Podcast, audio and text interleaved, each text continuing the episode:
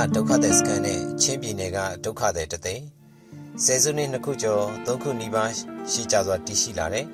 ထိုင်းနယ်စပ်ကဒုက္ခသည်စခန်းတွေအနက်ကလူဦးရေအများဆုံးစခန်းတစ်ခုဖြစ်တဲ့မဲလဒုက္ခသည်စခန်းမှာနေထိုင်သူတွေက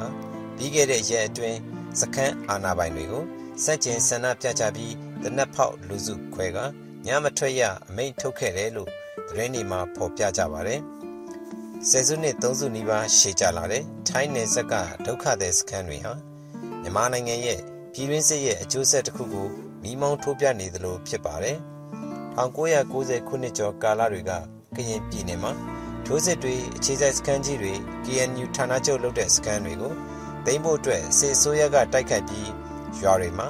ဒေသခံတွေမနေနိုင်အောင်မီးရှို့တာတပ်ဖြတ်တာဘော်တာဆွဲတာတွေဖြစ်ပျက်ခဲ့တာတွေရဲ့အကျိုးရလဒ်ဖြစ် နေဆက်ဒေသထိုင်းနိုင်ငံဘက်အချက်မှာဒုက္ခသည်စခန်းတွေထွက်ပေါ်လာတာဖြစ်ပါတယ်ဒီစကန်တွေကိုစတင်ဖွင့်လှစ်ခဲ့စဉ်ကအခုလောက်ထိ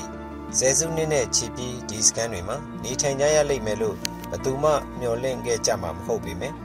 အခုတော့ငင်းငင်းရေးဆွေးနွေးပွဲတွေနောက်ပြန်ဆုတ်တဲ့အနေအထားဆယ်စုနှစ်ချီကာလအတွင်းတတိယနိုင်ငံကခေါ်ယူမှုတွေလည်းအရှိန်လျှော့ကျသွားခဲ့တဲ့နောက်ဒီဒုက္ခတွေပြဿနာကပြည်တွင်းစစ်ရဲ့ ဘေးထွက်ဆိုးကျိုးတစ်ခုဖြစ်ကြံရစ်ခဲ့တယ်လို့ဆိုရမှာဖြစ်ပါတယ်။ရခိုင်ပြည်နယ်ကထွက်ပြေးခဲ့ကြတဲ့ရိုဟင်ဂျာခေါ်ရခိုင်နဲ့ဘင်္ဂလားဒေ့ရှ်ထိစပ်ဒေသတွေမှာအများစုနေထိုင်ကြတဲ့မွတ်စလင်ဘာသာဝင်တွေရဲ့ဒုက္ခသည်ပြဿနာဟာလည်းထိုင်းနယ်စပ်ကဒုက္ခသည်ပြဿနာနဲ့အသွင်သဏ္ဍာန်တူကောင်းတူနေပါလိမ့်မယ်2012ခုနှစ်ရခိုင်ပြည်နယ်လူမှုအတိုင်းဝိုင်းပြည်ပခလို့ခေါ်ဆိုကြတဲ့ကိုးကွယ်ရဘာသာနဲ့လူမျိုးမတူသူတွေအကြားဖြစ်ပွားခဲ့တဲ့ပြည်ပခကြောင့် ပြည်တွင်းမှာပဲဒုက္ခသည်စခန်းတွေကိုတီးခြားခွဲကနေထိုင်စေခဲ့တဲ့ပြဿနာက2018ခုနှစ်ရောက်သည့်အတိုင်းမဖြေရှင်းနိုင်သေးခင်မှာနောက်ထပ်ဆင်ပြီးအာဆာလို့ခေါ်တဲ့ရိုဟင်ဂျာလက်နက်ကိုင်အဖွဲ့တွေကိုနှိမ်နင်းစဉ်အယက်သားလူထောင်ပေါင်းများစွာကိုစစ်တပ်ကအင်အားသုံးတပ်ဖြတ်ဖြိုခွင်းခဲ့ရာကလူပေါင်း9သိန်းကနေတတန်းကြာအင်းနီချင်းဘင်္ဂလားဒေ့ရှ်နိုင်ငံကိုထွက်ပြေးတိမ်းရှောင်ခဲ့တာအခုဆို၄နှစ်ရှိခဲ့ပြီး သူတို့ရဲ့မူရင်းနေရပြန်ရင်ဟာအလန်းဝေးနေစေဖြစ်တာတွေ့ရမှာပါရခိုင်ရေးပြဿနာတွေတက်ရှိကြတဲ့ကရင်ပြည်နယ်ကယားပြည်နယ်ကပြည်တွင်းစစ်ကြောင့်ထွက်ပြေးတိမ်းရှောင်ရတဲ့စစ်ပြေးဒုက္ခသည်တွေရဲ့အရေးကိုတော့ပြီးခဲ့တဲ့2017မှ2021အတွင်းပြီးပြည့်အောင်မဖြေရှင်းနိုင်ခဲ့ကြပါဘူးအခုအချိန်ဒီမှာတော့ပြဿနာတွေကနေဆက်ဒေသတွေတွင်မဟုတ်တော့ပဲပြည်မလို့ခေါ်တဲ့ဗမာလူမျိုးစုတွေအများစုနေထိုင်တဲ့တိုင်းဒေသကြီးတွေမှာပါစစ်ရှောင်း တိုက်ပွဲရှောင်ဒုက္ခသည်တွေထက်မှန်ထွက်ပေါ်လာနေပြီးမြန်မာနိုင်ငံဟာစစ်ဘေးရှောင်တွေတိမ်ကနန်းကနေနိုင်ငံနဲ့ရောက်လာတဲ့နိုင်ငံတနိုင်ငံဖြစ်ကိုရောက်ရှိလာပြီဖြစ်ပါတယ်။စောသောဒုက္ခသည်စကန်တွေရဲ့တက်တန်ဟာဆယ်စုနှစ်နဲ့ချီကြာလာပြီဖြစ်လို့ဒုက္ခသည်စကန်မှာမွေးဖွားလာတဲ့ကလေးတွေတော့အခုဆိုအရွယ်ရောက်အိမ်အောင်ကြပြီးနောက်မျိုးဆက်တွေကိုဒုက္ခသည်စကန်မှာပဲဝေးဖွားကြည့်ပြင်းရတဲ့အခြေအနေမျိုးကြုံရသူတွေအများအပြားရှိနေပါလိမ့်မယ်။ အချို့သောရေတွက်တွေကတော့တတရနိုင်ငံမှာပြောင်းရွှေ့အခြေချသူတွေလည်းရှိမှဖြစ်ပါတယ်။သို့ပေမဲ့နောက်မျိုးဆက်တစ်ဆက်ကိုဒုက္ခသည်စခန်းမှာပဲထပ်မံကြီးပြင်းစေရတဲ့သူတွေများပြားရှိတာလဲပကတိအခြေအနေဖြစ်ပါတယ်။လွန်ခဲ့တဲ့ဆယ်စုနှစ်တခုကျော်ကတက်တရနိုင်ငံမှာအခြေချရောက်ရှိခဲ့ကြတဲ့ကရင်လူမျိုးမိသားစုဆိုရင်သူတို့မိသားစု၅ဦးလုံးကဒုက္ခသည်စခန်းမှာကြီးပြင်းကြရသူတွေဖြစ်ပြီး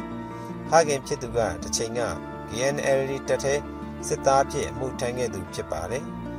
ကြီးဆုံးသမီးဖြစ်သူကဒုက္ခသည်စခန်းမှာနေထိုင်စဉ်မှာပဲအရွယ်ရောက်အိမ်အောင်ကြခဲ့ပြီးကလေးတယောက်မွေးဖွားကာစမှာတတိယနိုင်ငံကိုတွားရောက်ဖို့အလှည့်ကျလို့ဖခင်မောင်နှမတွေနဲ့ကလေးငယ်တဦးနဲ့အတူတတိယနိုင်ငံကိုရောက်ရှိလာခဲ့ကြတာဖြစ်ပါတယ်ဒီမိသားစုရဲ့ဦးစီးဦးဆောင်ဖခင်ဖြစ်သူကသူ့အနေနဲ့ပညာလည်းမတက်နိုင်ငံခြားဘာသာစကားလည်းမတက်လို့တတိယနိုင်ငံကိုတွားရောက်ဖို့စိတ်ဆန္ဒမရှိပေမဲ့လည်း သူ့ဇနီးဖြစ်သူကကလေးတွေရဲ့အနာဂတ်ကိုဒုက္ခသည်စခန်းမှာဆက်ပြီးမကြီးပြင်းစေချင်တာကြောင့်ပညာရေးလည်းကောင်းကောင်းမွန်မွန်မတင်ကြနိုင်စားဝတ်နေရေးလည်းလုံလောက်တဲ့အခြေအနေမျိုးမဟုတ်ပဲထောက်ပံ့တဲ့ရိတ်ခါနဲ့အလင်းမြောင်နေနေရတဲ့အခြေအနေနဲ့စာရင်တတိယနိုင်ငံကိုသွားဖို့အချင်းချင်းတိုက်တွန်းတာကြောင့်သူ့အနေနဲ့မိသားစုတစ်ခုလုံးကိုဦးဆောင်ကတတိယနိုင်ငံကိုလာရောက်ခဲ့ရတာလို့ပြောပြခဲ့ပူပါတယ်။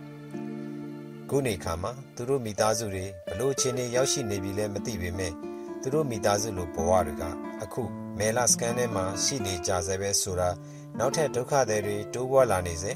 ပြည်တွင်းမှာပဲပြေးလွှားတိမ်းရှောင်နေရတဲ့ဒုက္ခသည်နယ်စပ်တွေကနေအိန္ဒိချင်းနိုင်ငံတွေမှာတိမ်းရှောင်နေရတဲ့ဒုက္ခသည်စသဖြင့်မျိုးမျိုးသောဒုက္ခသည်တွေရဲ့ကိန်းဂဏန်းကလာလိုက်နှစ်လိုက်တိုးပွားလာအောင်မဲ့အလားအလာရှိနေပါတယ်စစ်အာဏာမသိမ်းမီကာလက ဒုက္ခသည်တဦးတယောက်မှမရှိခဲ့တဲ့ချင်းပြည်နယ်မှာခုနှစ်လတာအတွင်းဒုက္ခသည်တသိန်းရှိလာပြီလို့ UN စင်းကောက်ယူမှုရသိရပါတယ်။စကိုင်းတိုင်းနယ်မှာမကွေးတိုင်းအထက်ပိုင်းမှာရှမ်းပြည်နယ်မှာကချင်ပြည်နယ်မှာရခိုင်မြောက်ပိုင်းမှာကယားပြည်နယ်မှာဒုက္ခသည်ပေါင်းနောက်ထပ်သိန်းနဲ့ချီရှိနေအောင်မှာဖြစ်ပါတယ်။ဒုက္ခသည်တွေရဲ့ဘဝတွေမိသားစုအခြေမကျမှုပညာရေးတင် जा မှုမရရှိနိုင်တော့တာကျန်းမာရေးစောင့်ရှောက်မှု မရနိုင်တာတွေကတိုင်းတာလို့ရတဲ့လူမှုကျန်းမာရေးဆုံးရှုံးမှုတွေဖြစ်ပြီးစိတ်ပိုင်းဆိုင်ရာမလုံခြုံမှုနဲ့အကျိုးသက်ရောက်မှုတွေကတော့တိုင်းတာလို့မရနိုင်တဲ့ဆုံးရှုံးမှုတွေစစ်ပွဲတွေရဲ့အကျိုးဆက်တွေဖြစ်နေတာဖြစ်ပါတယ်ခင်ဗျာ